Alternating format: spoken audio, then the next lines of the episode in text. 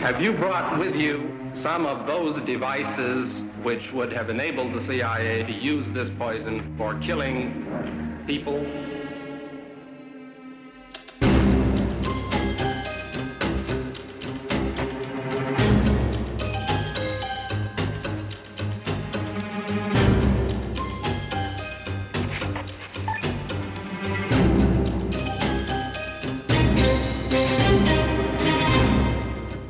Kan på ingen måde løfte, at det våben har været på Bornholm. Okay. Men jeg har hørt ting, der kan sandsynliggøre, at det har været på Bornholm. Jeg kan ikke gøre for, at det lyder åndssvagt. Det er ikke min skyld. Det er virkeligheden. Det, jeg kan... Puh, hvordan skal jeg formulere det her? Altså, min... Ej, Så, så blev du lige ringet op, samtidig med, at du skulle til at sige det. Er der ikke, Ja. der vil stoppe dig, eller hvad?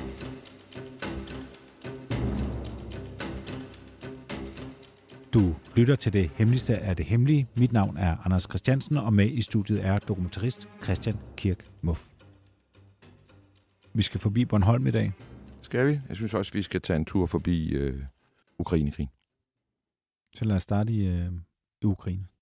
det der kan blive lang tid, og det kan blive meget, meget grimt, og det kan blive en konflikt, der meget nemt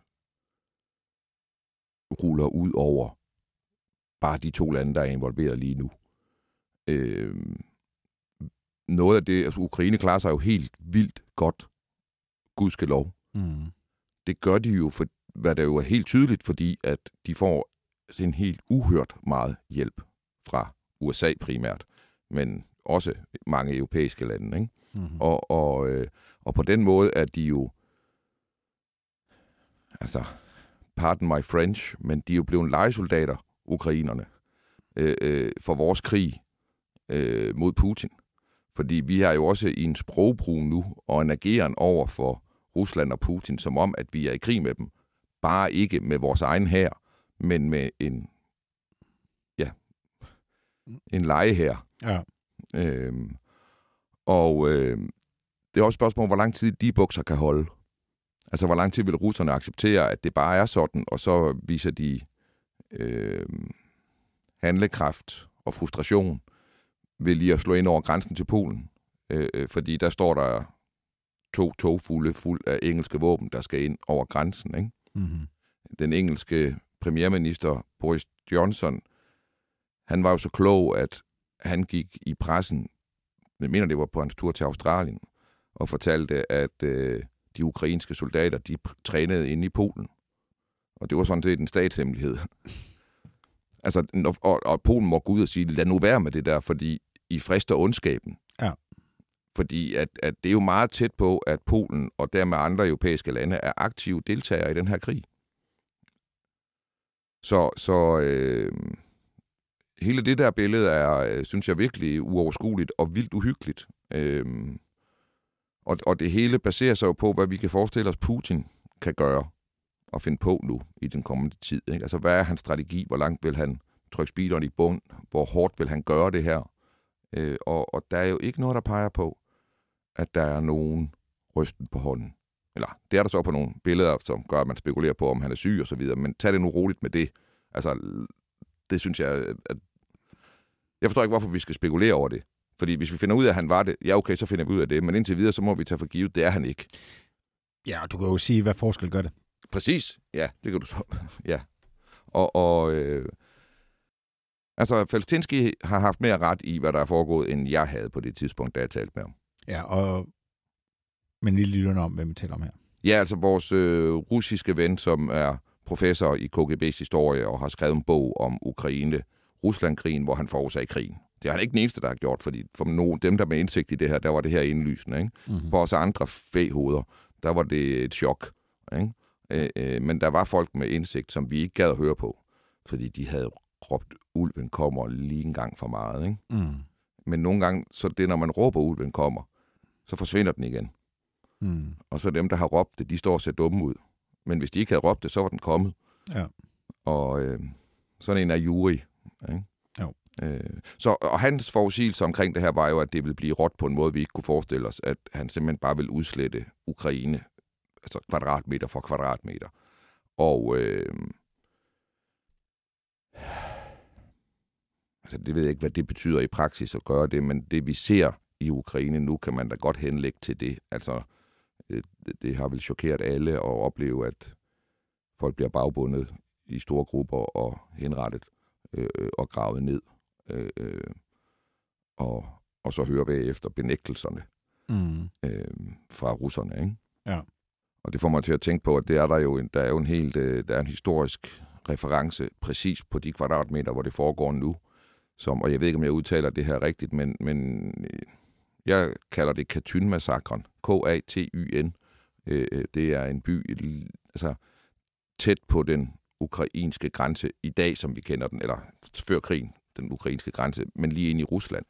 Øh, øh, massakren er opkaldt efter en skov, der ligger der. Men massakren foregår også i nogle fængsler, der blandt først og fremmest i Kharkiv, som er et af de her ukrainske byer, hvor man kæmper nu. Øh, og, øh, og det, der sker, er, at tilbage i 39 så overfalder Tyskland Polen. Øh, 14 dage efter, 16 dage efter sådan noget, der, de overfalder jo fra vest, tyskerne, ind ja. i Polen. Og, og to uger efter cirka, der overfalder Sovjetunionen og Stalin Polen fra øst. Øh, og så deler de Polen. Øh, der er på det her tidspunkt, at det, øh, det er en løve og en tiger, der arbejder sammen om at spise et får. Mm-hmm. Og øh, løven og tigeren, de sidder nu og kigger hinanden i øjnene jo. Øh, øh, men på det her tidspunkt, der deler de Polen i 39. Og så indleder Stalin straks en udryddelseskampagne blandt alle polske officerer og intelligentien, altså alle dem med længerevarende uddannelse dybest set, i den del af Polen, han har fået. Og øh, de dræber 22.000 mand.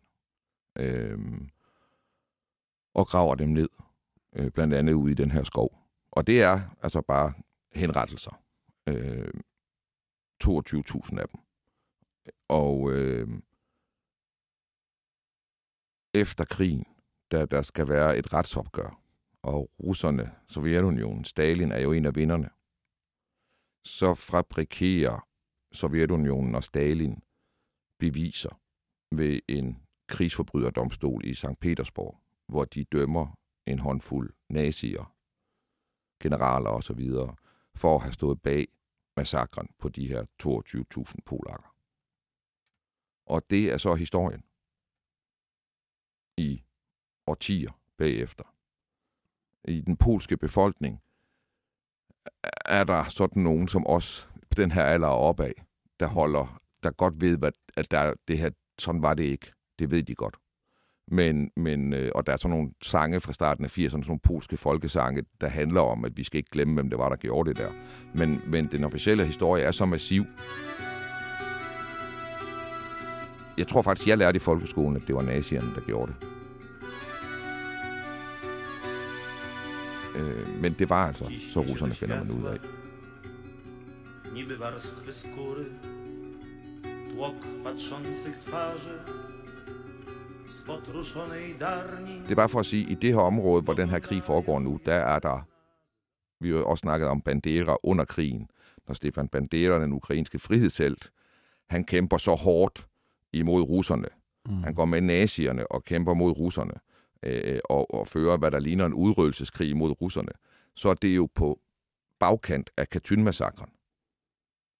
Det er jo fordi, at hans folk og de folk, han leder, har været udsat for den her massakre. Det var ikke altså, det er også vigtigt at have med i den historie. Ikke? Ja.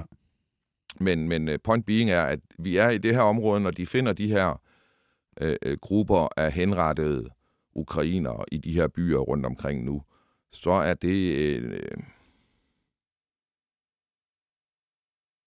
ja. Det, det er... Øh, det er déjà vu for de der træer, der står der, og er mere end 70 år gamle, fordi de har kigget på det der altså så mange gange, altså, hvor, hvor folk er blevet, altså kvinder og børn uskyldige, er slagtet. Mm. Ikke? Øhm, og det er ikke usædvanligt, at russerne siger, at det var de andre, der gjorde det, når de selv har gjort det. Nej. Vi har jo her på kanalen jo også et program, der hedder Putins Verden med Samuel Raklin og Uffe Garl som, som værter. Og de snakker jo simpelthen om, om altså, løgnens imperium. Altså ja. Rusland, Sovjet. Ja. Hvordan løgnen simpelthen bare er en del af det imperium. Ja. Ja, ja, og, og det er også det, vi snakker om. Hvornår, hvad kan vi forvente af en russisk befolkning nu? Ikke? Altså, hvis, hvis vi... Lad os nu forestille os, at vi gik i krig med dem og så videre, ikke? så vil vi opleve, at den her befolkning og, og den her her, så det ser vi jo nu i Ukraine, at de er virkelig afstumpet. Og jeg siger det her meget bredt, og, og jeg mener det ikke så bredt og så videre, men afstumpetheden i den kultur er på et niveau, som vi er svært ved at forestille os. Og, og, og min, når jeg baserer det på, at jeg har set rigtig meget, hvad der svarer til deres deadline og talkshows og så videre, hvor de griner og morer sig med at tale om den her nye raket, de har udviklet, Satan 2, og hvor meget amerikanerne ikke kan sove om natten nu, fordi de kan tage Washington, og de kan tage LA, og de kan tage San Francisco, og de kan tage Chicago, og det tager kun fem minutter, og det bliver så fedt at se dem brænde, og så griner de alle sammen i studiet. Altså, forrygtheden er på et, afstumpetheden er på et meget, meget højt niveau. Ikke? Og, og, øh, og det, altså det tror der pokker, hvis du har først haft et monark, eller en, en, en mand som Saren, mm. øh, og, og han var jo altså, han behandlede sin arbejderklasse og sin øh, landbrugsklasse, hvad hedder det, bønder øh, øh, fuldstændig hensynsløst. Og så får du et, et regime, som har løgnen som sin kerne i det kommunistiske regime. Ikke? Mm. Og, og øh, altså, de har jo ikke haft en chance, de stakkels mennesker, vel? Og det skal vi også huske, når vi ser de der unge sovjet russiske soldater være afstumpet nu i Ukraine. Altså, det er, hvis naboens hund, du kan høre den for tæsk hele natten, så skal du være bange for den om dagen, når du møder den. Men du skal også huske på, at ondskaben kommer ikke fra den. Giver det mening? Ja. Altså, øh, øh, og, og der er det russiske folk blevet ledet af autokrater øh, meget længe, og på en måde, som gør, at, at, at vi skal huske at i videst mulig omfang at tage hånd om dem. Fordi de ved virkelig ikke bedre.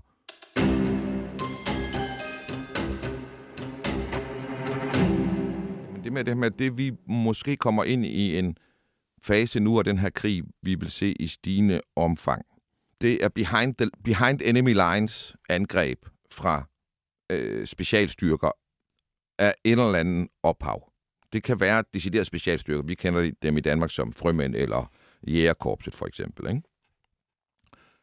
Men det kan også nu være, at i de her sydøstlige dele af Ukraine, at hvis du har, som efterhånden nu har været besat af russerne i nogle måneder, og fronten er ligesom begyndt at flytte mere mod nordvest, lige så stille dernede. Ikke? Det er jo det, der sker lige nu, det er, at russerne har fokuseret deres indsats dernede, og nu lader det til, at de lige så stille og roligt kommer frem. Det er dyrt for dem, og det, øh, det er ikke sikkert, at de kan tage, hvad de vil og sådan noget, men lige nu ser det ud som om, de lige så stille kommer fremad. Men det betyder også, at der begynder at være sådan, hvad man kan tale om et område, som er behind enemy lines, men er inde i Ukraine stadigvæk. Og øh, det er jo også, så er det jo nu. Altså nu har der ikke været øh, øh ukrainske soldater i det område. Der har ikke været ukrainsk politi og myndigheder, der har fungeret i et stykke tid. Øh, øh, russerne har måske begyndt at installere et politikorps eller et eller andet i de der, nogle af de her byer. Øh, og så er det så nu, Stay Behind skal vågne. Ikke? Mm.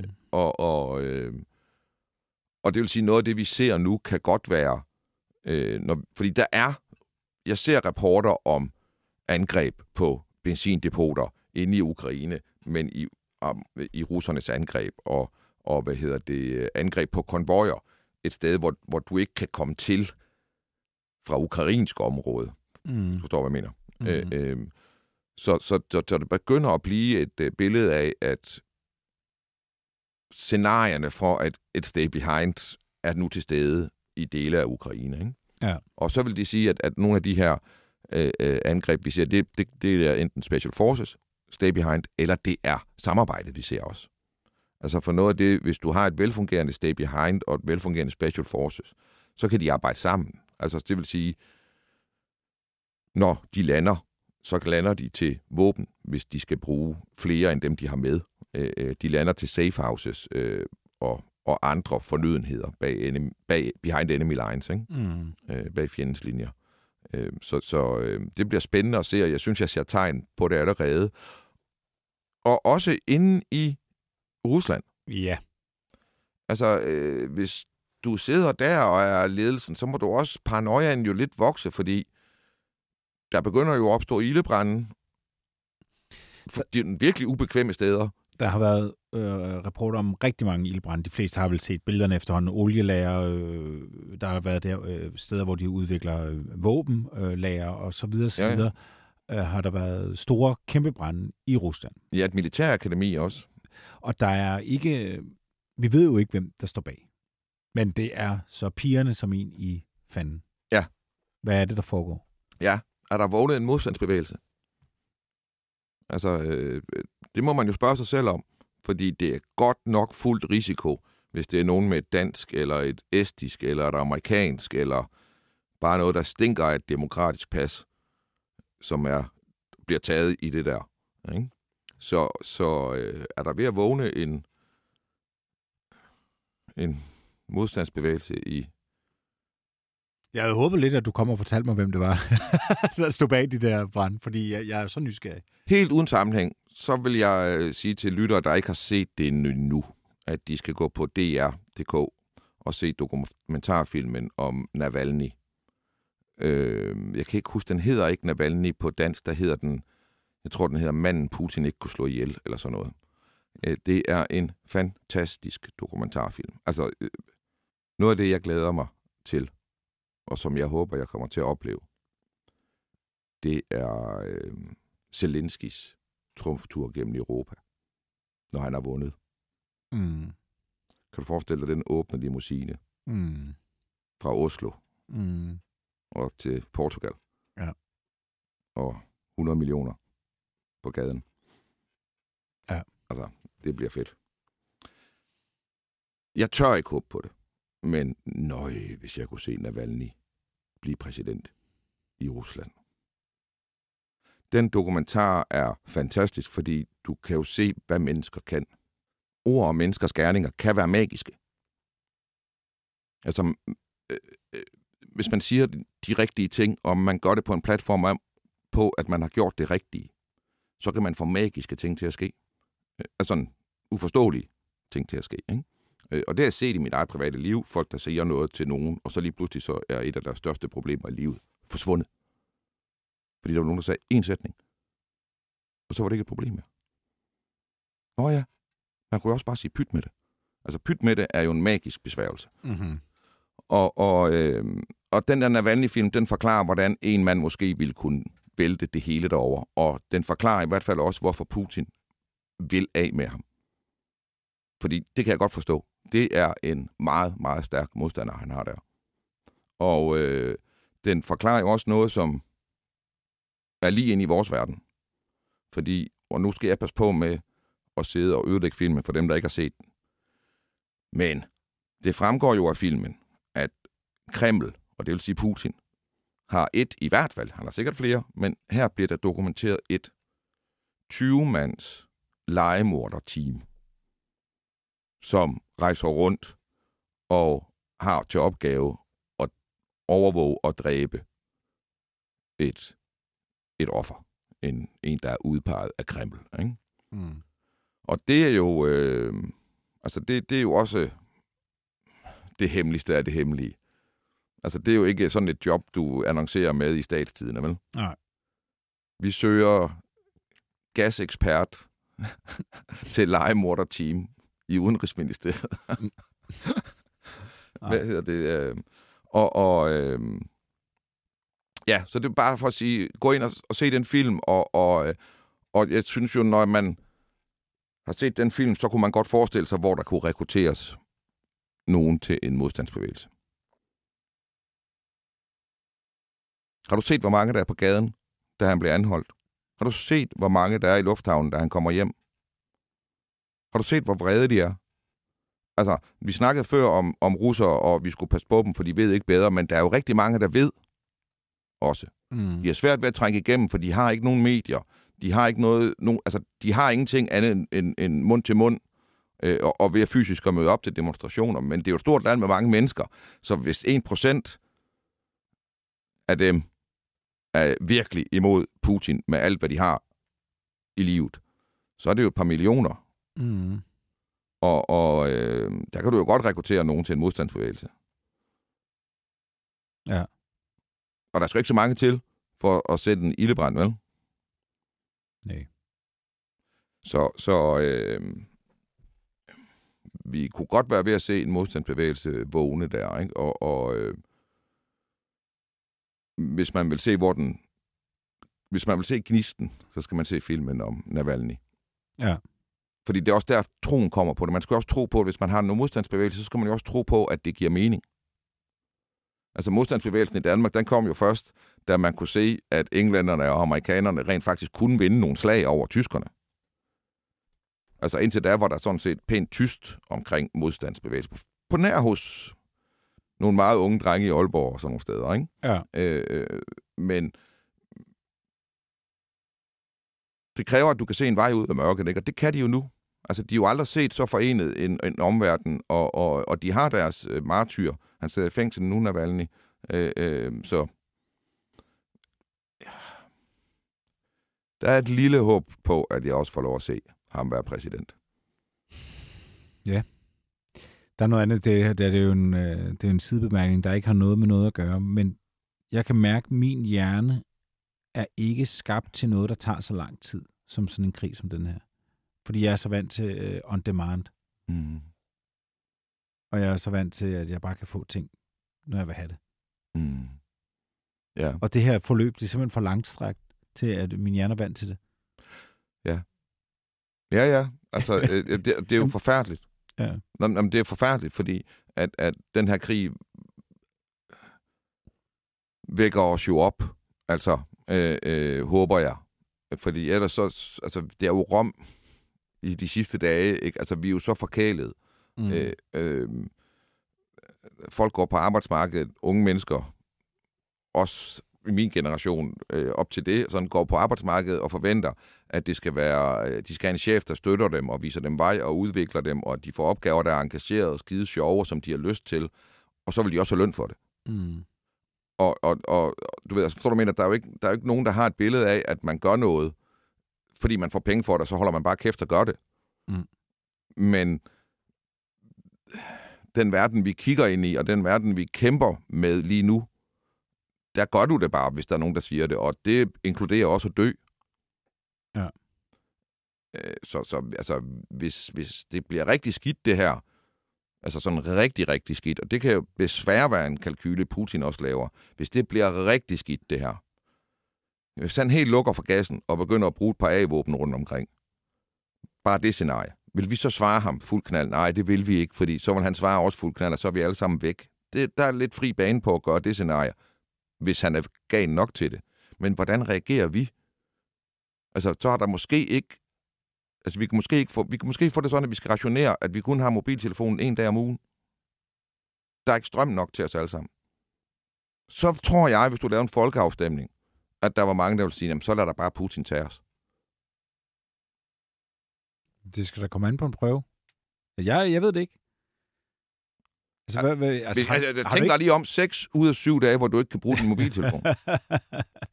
ja, det er rigtigt. Men, men, men du må da også indrømme, at, at vi har da også været forholdsvis handlekraftige på nogle punkter. Altså nu tænker jeg EU for eksempel. Ja, nå, men alle, den, alle de professionelle er det. Altså alle dem, der er gearet til det her. Ja. Øh, øh, jeg ved ikke om, om altså, jeg ved ikke om civil, altså, civilbefolkningen i Ukraine er gearet til det. De Ja. håndterer det rent faktisk. Ja, I Polen ser de ud som om, at de håndterer, hvad de bliver udsat for, er overvældende, øh, øh, du ved. Men de er jo også vant til det her. Altså, der er jo ikke nogen generationer, der ikke er igennem det her. Vi kan jo ikke huske den sidste generation, der har været igennem noget lignende. Og da vi kom igennem det, der var det ikke for sjov, vi blev kaldt fløde, flødefronten, vel? nej. Altså, vi var måske, det, altså, vi var nok det sted i Europa, hvor det var bedst at være. Tysk soldat. Hvad siger du? Ja, det, at være tysk soldat. At være dansk? Altså, hvor hen i Europa vil du hellere have været de fem år?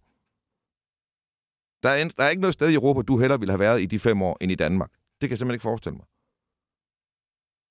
Mm. Vi havde nok af alt. Der var ingen krig. Der var ingenting. Og vi gjorde ikke engang modstand. Nå. Nå, det er jo også et sidespor, men det er jo, det er jo nogle af de her konsekvenser, der er af det her, vi, vi, vi snakker om. Det er, at lige pludselig så bliver verden jo øh, alvorlig. Ja, Og der er noget, et ord som pligt, for eksempel. ja, Nogen, der man skal gøre sin pligt. ja. Også at ofre sit liv. Altså, der er jo folk nu, der står op hver morgen i Ukraine, og så går de ud, og nogle gange så går de ud og siger, det er 50-50 i dag. Altså, det, jeg, jeg forstår jo ikke, hvordan de går derud. Så går de to kilometer igennem en skov, så skal de ud og møde nogle russiske tanks. De ved, hvis de bliver taget til fange, så bliver de likvideret. De går derud alligevel. Jeg forstår det ikke. Jeg er glad for, at de gør det. Ja, det er også. Men jeg er også bekymret, det er også der, hvor du ved, mere og mere det går op for mig, at det her det er en legesoldatkrig, som vi egentlig fører. Jo mere skammer jeg mig også en lille smule over det. Altså, jeg kan ikke se nogen løsning på det, for jeg synes ikke, vi skal gå i krig med, med Rusland over en bred front. Men, men, men, men... Der, der, forstår du, hvad jeg mener? Det, det er ikke, det, jeg synes egentlig ikke, det er så kønt, at vi bare sender alle vores våben dertil, og så siger vi bare kæmp, kæmp, kæmp, kæmp, kæmp, kæmp, kæmp. Altså, jeg synes, vi bør... Altså, jeg, min, som minimum, så bør vi finde ud af, hvor langt kan vi gå i forhold til Putin. Kan vi lave frikorps?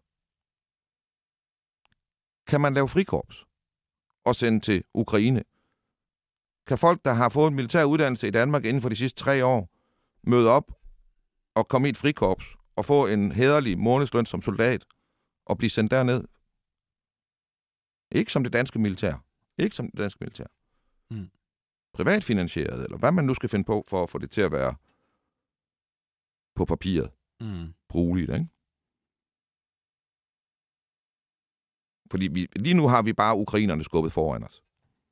Og, og, og det, de næste måneder bliver utrolig barske for dem.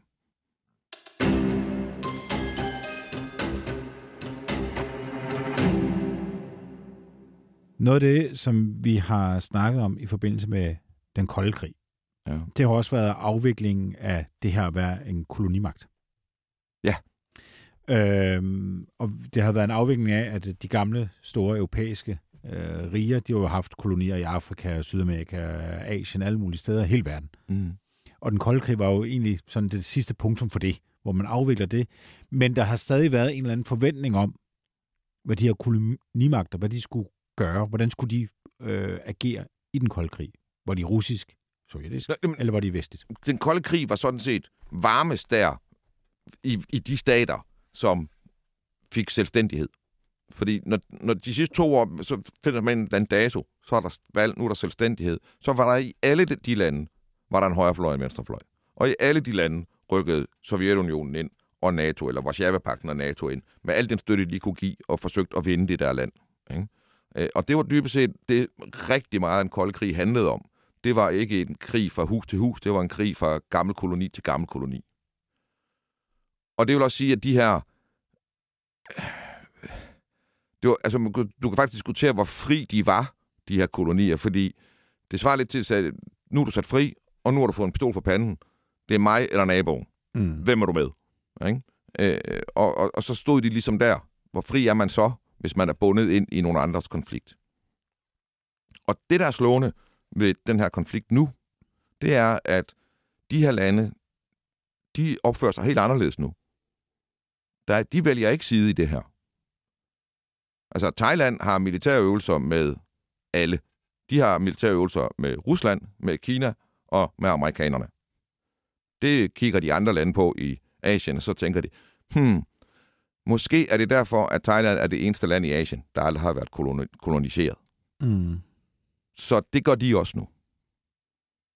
Og øh, Indien vil ikke sige, hvorfor, hvorfor skulle I stoppe med at handle? Altså, I ligger og roder med noget konflikt i Europa. Og det er vi ked af. Og det er vi ondt af jer for. Og vi giver bedste karma øh, til at få løst det. Men hvad har det egentlig med os at gøre? Ja.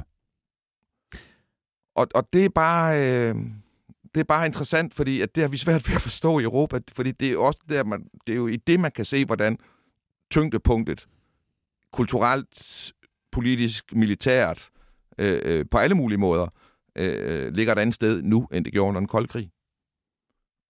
Altså forstå på den måde, at lad os, sige, lad os bare tage Indien. Øh, nu er jeg ikke ekspert i, øh, i, hvor Indien står hen, og deres udenrigspolitik og deres indrigspolitik, men lad os tage et land som Indien. Vi, vi forventer, at Indien vælger side. Er I med Vesten, eller er I med Sovjet? Og vi vil selvfølgelig gerne have, at de er med Vesten, og de skal tage afstand med Putin og boykotte Rusland med alt det. Det forventer vi. Hvad siger det dig? Ja, altså, det vil jeg sige, så lige Indien er faktisk lidt lige et dårligt eksempel på det, fordi at, at øh, det er nok måske den af de der store, store lande, som man ikke forventer så meget af mm. på det der, fordi at de var jo i den situation i en kold krig, at de oplevede, at Pakistan er jo en udbryderdel af Indien, og Pakistan har kun eksisteret, fordi den amerikanske militær har støttet det styre, der til enhver tid har været der så meget, så det, altså, det er en selvstændig dukke, men det er en dukke for amerikanerne. Altså, mm på en eller anden mærkelig, mærkelig dysfunktionel måde. Ikke? Øh, øh og, og, og pakistanerne har jo stået med atomvåben, de har udviklet og peget mod Amer- Jeg har selv været ved at flytte min familie på grund af atomvåbenfare. Min lokalavis i New Delhi, da jeg boede der, den havde sådan nogle kort med, at der, hvor jeg boede, det var det sted, der ville blive ramt af den første atombombe. Og det var så opknaldet, og jeg var så bekymret for det, fordi jeg ikke forstod det. Så altså, vi havde øh, købt øh, 70 liter ekstra benzin og var klar til at evakuere. Øh, det er tilbage i 2002, det her. Ikke? Øh, så så øh, men, men, men jo, vi forventer det jo stadigvæk, fordi vi kigger på det, og vi forventer det stadigvæk af Indien, fordi vi kigger på det, og så tænker vi, det er jo så ondt. Det er så forkert, det han gør, mm. Putin. Altså, øh, vores historie om det her er øh, i Vesten er jo så entydigt. Det, du kan ikke formulere en sætning i Vesten, der indeholder ordet Putin og rationel bare i... Altså, øh, det er simpelthen nærmest umuligt at gøre så meget, at vi er spundet ind i en fortælling omkring det der. Og jeg kan heller ikke sidde engang her sidde og sige, at det så er en forkert fortælling, fordi det kan jeg simpelthen ikke sige, fordi jeg er så spundet ind i det. Jeg ved det ikke.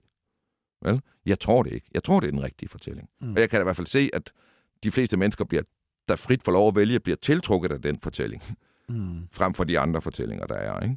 Men, men, øh, men for Indien er det bare herover. Altså, hvad så med borgerkrigen i Mozambique? Skal de melde ud, hvad de mener der? Og der er det jo så, jeg har lyst til at spørge, er der borgerkrig i Mozambique? Det er der altid. Det er der også nu, ja. Ja.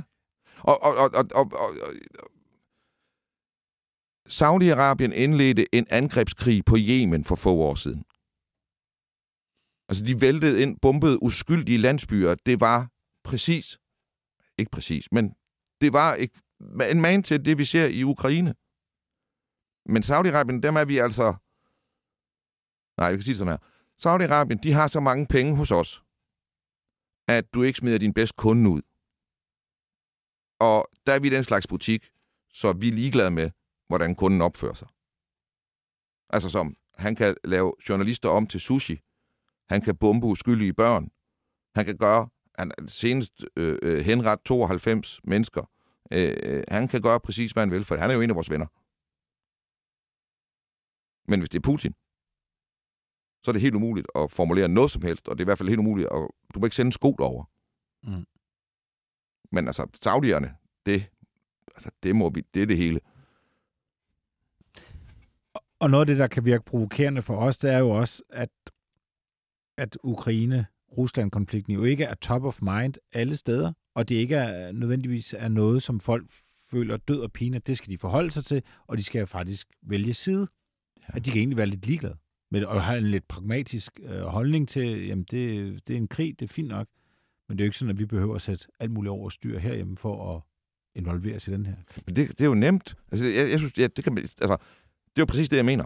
Mm. Vi bekymrer os jo heller ikke om borgerkrigen i Mozambique. Altså, for dem er det jo bare sådan. Men altså, mener du, at det er anderledes, end hvad vi så i den kolde krig? Altså, det er det, der er forskellen? Ja, det, altså, det, det, forskellen er, at under den kolde krig, så en hver konflikt, vi havde, så selv de her lande, der var blevet sat fri, havde fået selvstændighed, de tidligere kolonimagter, de var ikke fri. Når, men det, det, det minut, de blev selvstændige, faktisk på nær Indien, men nærmest alle de andre, det minut, de blev sat fri, så blev der lagt en lykke om halsen på dem, og så blev de trukket rundt som kvæg, enten af Sovjetunionen eller af Vesten. Ikke? og, og det gør de ikke længere. Den måde kan vi, vi kan ikke tvinge dem til at melde ud længere på samme måde. Altså, de fleste lande i Afrika, for eksempel, de kigger jo bare, de behøver bare at kigge et par år tilbage. Så kan de kigge på corona, da det er udbrød. Så kiggede de på USA, Trump, det handlede kun om at købe alle de vacciner, han kunne, foran alle andre, og komme foran i køen, og tage og tage og tage hjem til USA. Kina, de delte en, altså flere hundrede millioner vacciner ud i Afrika. Det var det første, de snakkede om. Det var ikke, hvor meget de kunne vaccinere derhjemme, det var, hvor meget de kunne hjælpe ud i verden. Altså, vores billede af, at vi er vigtige, og vi er gode, og vi er rigtige, og øh, glem det. Det er, vi, det er vi i faldende grad, og vi kan se det på den måde, de tidligere kolonimagter, eller de tidligere kolonilande, de tidligere koloniserede lande, de nu reagerer med sådan lidt, ja okay, det finder I ud af. I mellemtiden så bliver vi bare ved, fordi ja, I har et problem i Europa. Tag at få det løst.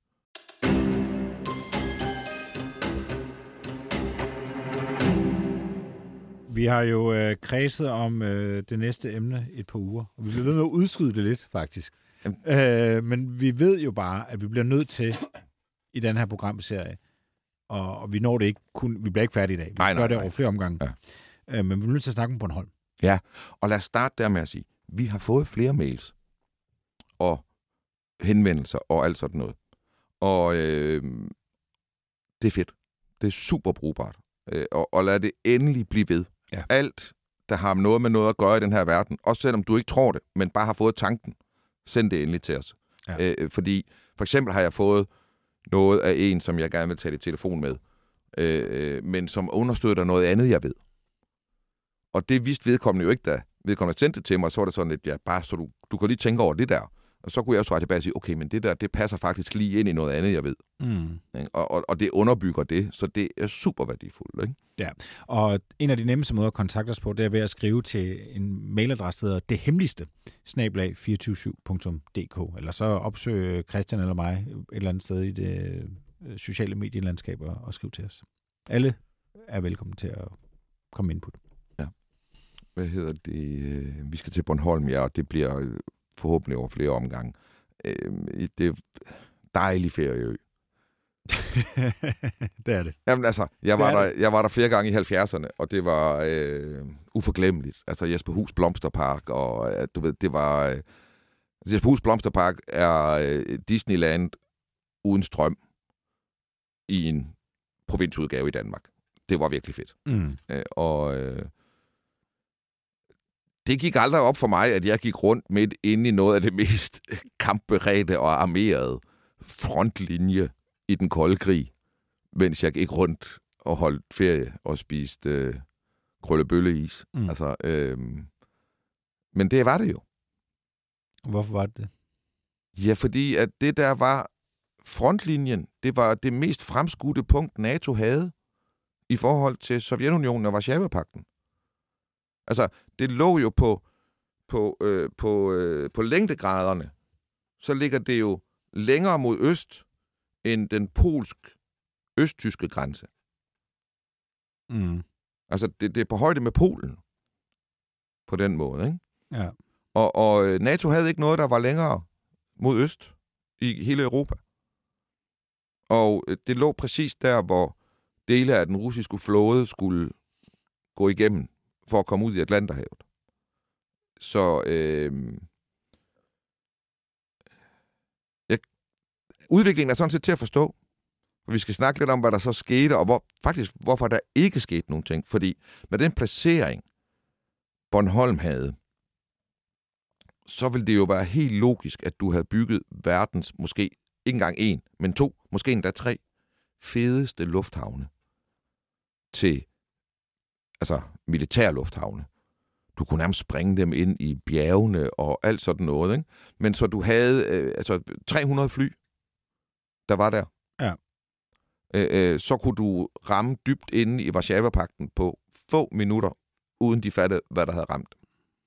Øh, øh, hvis du bare tænkte rent, hvis du var et spil Stratego eller Risk eller sådan et eller andet, så vil man, eller Civilization er det bedste eksempel. Hvis jeg havde det her, den her tile i Civilization, så ville jeg bygge lufthavne og alt muligt der, så jeg kunne angribe dybt ind i fjenden. Ikke? Ja. Det skete bare ikke. Nej. Og det var på grund af pengeskab, er det ikke sådan? Jo, altså jeg tror, øh, som du også sagde til mig, øh, så er det jo nok en offentlig hemmelighed. Øh, men øh, vi skulle faktisk takke en, der hedder Jakob Meisner, som er journalist på Bornholms Tidene, for at få det trygt sort på hvidt, så alle ved det. Der var jo simpelthen en aftale om, at der ikke måtte være øh, allierede styrker, altså NATO-soldater på Bornholm under den hele den kolde krig. Jeg tror sikkert, mange Bornholmer godt har anet det, at de i hvert fald ikke var der. Øhm, men det var simpelthen noget, der hed, øh, det hed Østersø-direktivet. Var det ikke mere en fortolkning, en dansk fortolkning af, af, af overleveringen, da, da, da, da russerne afleverer Bornholm i 46, så siger de, nu har vi tillid til, at danskerne kan opretholde øh, hvad hedder det, øh, kontrol med deres eget område igen efter krigen. Og så tror jeg, det var understregning af, at det var danskerne. Der var sådan en hentydning til, at det var danske soldater, der kunne ja. være der. Ikke? Og det blev så fortolket i Forsvarsministeriet, eller i Udenrigsministeriet, som om, at det var det, det betød. Men jeg tror også, det var det, Sovjetunionen mente. Det var det nok. Øh, og det galt jo også luftrummet, og det galt øh, selve øen, og så galt det, øh, så vidt jeg kan læse her, altså tre sømil i omgangs, altså i, i radius fra, fra Bornholm. Der må der ikke komme norske, tyske, amerikanske, engelske soldater. Nej. Det måtte der ikke. Det er alligevel, det er alligevel en vild indflydelse på vores territorie og, og, og fri råderet, ikke? Og det, og det lå simpelthen beskrevet i et pengeskab på Almegård Kaserne, som er den her Bornholmske kaserne. Der er sikkert nogen, der har været i, i værnepligt derovre. Øh, der lå det simpelthen, og der var mange, meget, meget, meget få mennesker, øh, der kendte til det. Ja, det at det simpelthen var nedskrevet, at, øh, at det måtte man ikke. Og, og noget af det, der er lidt spøjst ved det, det er jo, at, øh, at aftalen den faktisk øh, var frem til 1998. Det var først i 1998, altså lang tid efter mm. øh, murens fald og Sovjetunionens sammenbrud, mm. at det blev, øh, blev ophævet. Ja. Og jeg tror endda faktisk, at, at, øh, at russerne kommenterede på det, da vi gjorde det. Altså, det var ikke sådan noget, de lå gå upåtalt hen. Og jeg tror ikke, at vi sådan bare frit lader NATO agere på Bornholm stadigvæk. Mm. Det ved jeg faktisk ikke, men... men øh... og, og, og det er jo så, altså det er jo så, øh, hvad kan man sige, sort og hvidt et øh, eksempel på, at Bornholm jo havde en særstatus under den kolde krig. Og også øh, på en måde, så man godt kan forstå, at Bornholmerne måske ikke synes, det var det fedeste i verden. Altså, de boede i Bullseye. Altså, de boede i Bullseye. Det første, der ville ske, det var, at de blev taget. Ja. Og, og, øh, og, og det er jo ikke, fordi de skulle bruge befolkningen eller landbrugsjorden til noget som helst. Det er jo, fordi de skulle bruge nogle havne og nogle, noget lagerplads fremskudt ud mod Atlanterhavet. Så, så øh, det var ikke, fordi de skulle bruge universitetet på Bornholm, vel? Nej. Det var ikke, fordi at de skulle have al viden på Bornholm. Befolkningen var faktisk lidt ligegyldigt mm. i forhold til, hvad Bornholm skulle bruges til. Så, så øh, de kiggede på en rigtig rå krig, hvis russerne kom. Og de havde også fornemmelsen jo af, at de ikke ville blive forsvaret. Det er jo den næste ting. De ligger jo så langt ude, at de ikke vil blive forsvaret. Altså, det er jo ligesom, hvis du forestiller dig, når de gik i krig i 17. århundrede, og de kom masserende mod hinanden, ikke? De der to herrer, de går på en stor plæne, og så går de mod hinanden. Hvis du så var en, der gik 40 meter foran resten af din her, så vil du jo møde den anden her helt alene. Og ja. dine andre vil være 40 meter bag dig. Ja. Sådan var Bornholms situation. Det var jo ikke sådan, at dem, der var 40 meter bag, de skyndte sig at løbe op. Nej. Så de var på højde med dig, for det kunne de ikke. Altså, de kunne ikke være der på Bornholm. Nej. Så Bornholm var 40 meter foran de fremmarcherende herrer, når det her det skete. Ikke? Og de ville være de første, der fik braget, og de ville ingen chance have. I det lange løb. Mm. Men stay behind og det lange løb er jo øh, det, det handler om her. Ja. Så, så øh, jeg tror virkelig, at de vil blive forskrækket over, hvor svært det kunne blive at indtage Bornholm. For hjemmeværende på Bornholm var nærmest alle nærværende. Jeg synes at have læst, at 20 procent af befolkningen var medlem. Altså, det var en... Øh, det var jo også en nødvendighed, hvis du føle dig tryg om aftenen. Så var du selv nødt til at gøre det. Der var jo ikke andre, der gjorde det. Mm. Og, øh, og, der, og planerne for at kæmpe er sådan noget... Øh, altså, øh, det er virkelig øh, nogle vilde strategier for, hvordan man ligesom er, først kæmper på kysten, og så rykker man gradvist tilbage, og til sidst så sidder man inde i sådan en øh, bunker-lyttestation inde midt på øen, ikke? og så står det sidste slag. Og øh, det er sådan Alamo øh, i Texas, Ja. i krigen med meksikanerne. Øh, Og øh, der, der skulle de sidste danskere så ligesom falde i væbnet strid, når Bornholm skulle indtages. Ikke? Men når de var faldet, så vågnede det behind på Bornholm. Og øh, der tror jeg, der har... Det vil vi meget gerne høre mere om. Mm. Altså særligt Stay Behind-delen. Vi vil gerne høre om hjemmeværnet, også deres hemmelige dele, men, men øh, Stay Behind på Bornholm, det kunne jeg forestille mig var ret vildt. Og øh, fordi jeg har en... Okay. Jeg, jeg, Kom med det. Ja, jeg fortæller det, men, men så er vi nødt til virkelig at frame det. Altså, vi, jeg, ej, så, så blev du lige ringet op, samtidig med, at du skulle til at sige det. Er der ikke, Ja. der vil stoppe dig, eller hvad?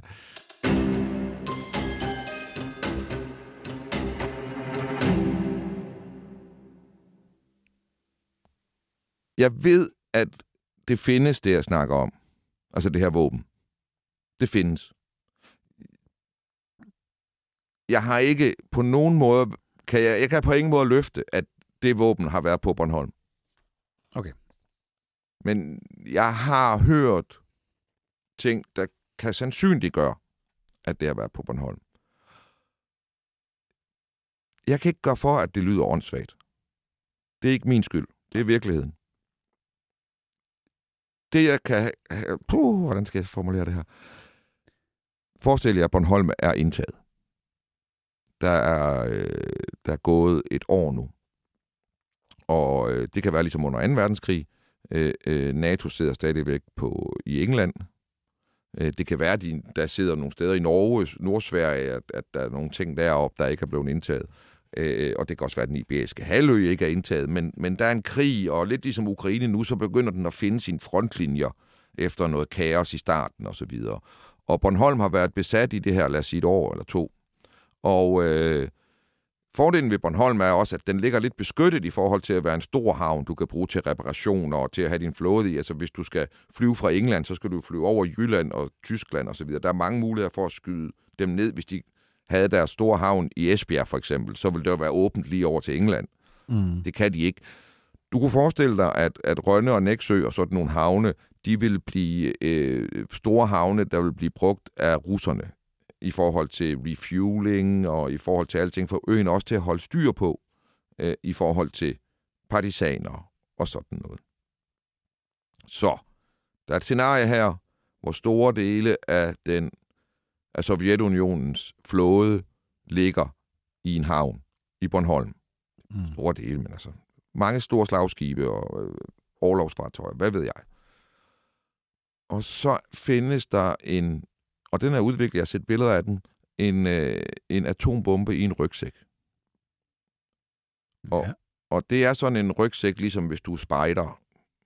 Øh, og det, der bare er inde i den, det er en øh, lille taktisk atombombe.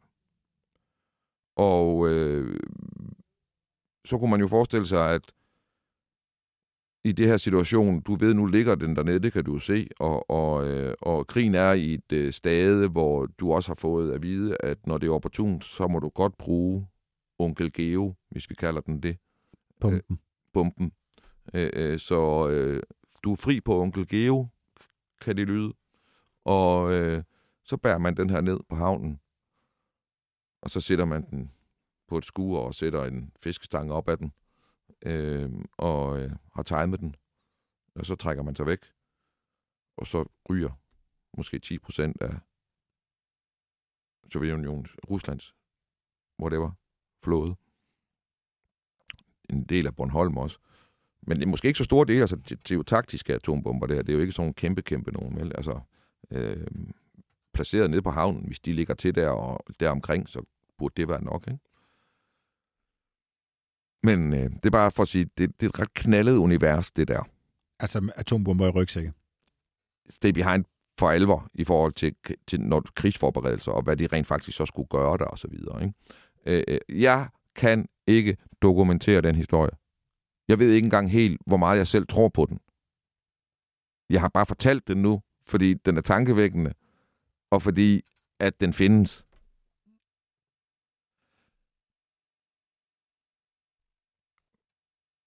Vi kan gå lidt mere ned i nogle episoder, der har været øh, næste gang, vi skal snakke om Bornholm. Fordi ja. der, er sådan nogle, øh, der er sådan nogle episoder, hvor, hvor, hvor den kolde krig er, fuldstændig højspændt der. Og som jo er episoder, som vi i en eller anden forstand ikke rigtig har fået fortalt så meget om i offentligheden mm. undervejs. Altså meget af det her har ligesom...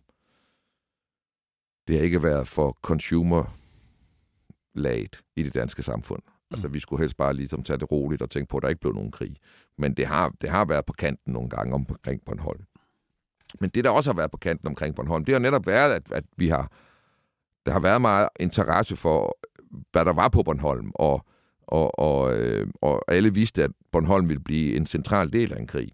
Så russiske specialstyrker, der blev uddannet under den kolde krig, de blev, og det her, det er flere kilder på og pænt overbevist om, at øh, når du skulle bestå sådan en eksamen, som for eksempel dykker, øh, frømand i den russiske udgave, så den sidste opgave, det var faktisk så noget, der lignede en rigtig operation. Det vil sige, at de skulle ligesom have forskellige steder rundt omkring i, ikke, altså ikke i deres eget territorie, i Sverige, i Danmark, i Norge, Gotland, sådan nogle steder, men også Bornholm hvor de øh, lavede øh, fingerede ting. Og det vil sige, at en af eksamensopgaverne for sådan en frømand i Rusland kunne være at blive launchet fra en, øh, altså start på en ubåd ud for Bornholm, svømme i land, samle en sten op på Hammerhusfæstningen og tage den med tilbage. Og der skulle de have så mange sten nu, at de er i stand til at se, om du har faket den. Så det var en eller anden form for altså, svendeprøve, skråstrej manddomsprøve? Ja, svendeprøve, svendeprøve er det gode øh, eksempel på det. Ja. Øh, kan du gå i land på Bornholm, stjæle en sten og komme tilbage igen? Ja, præcis på det her sted. Altså på, på den her. Det er ikke så nemt, hvis man har set det, så er det ikke... Øh, altså Hammerhus ligger jo, som man vil ligge en middelalderborg, mm. i forhold til at gå i land der og komme til op og få en sten. Det, det kræver uddannelse. Ja. Og sådan skulle der være flere steder. Der er også blevet fundet et, øh, altså dele af sådan noget militær udstyr, øh, gasmasker osv., som dem, der fandt det, er sikre på, er noget, der er blevet anbragt, og det er ikke noget, der kan være skyllet ind der, hvor det er blevet fundet. Og det var også fundet i en stand, der viste, at det har ikke været i havet. Og, og, øh, og det var russisk, og det var... Enten var det sådan, at det var en prøve ligesom det her. Enten var det sådan, at der havde været en fra ambassaden, og have placeret den her ting her. Mm og så skulle en, en, en, der var til svendeprøve, han skulle gå i land på Bornholm og samle den op. Ah. Mere sandsynligt er det nok, at han har haft den med fra ubåden, at gå i land på Bornholm og har afleveret den, og så skulle en ambassademedarbejder komme forbi og konstatere, at den var der og destruere den. Mm. Og så havde man bestået. Men, men øh, jeg, jeg synes selv, det er en... Øh, ja, det er ret sjovt.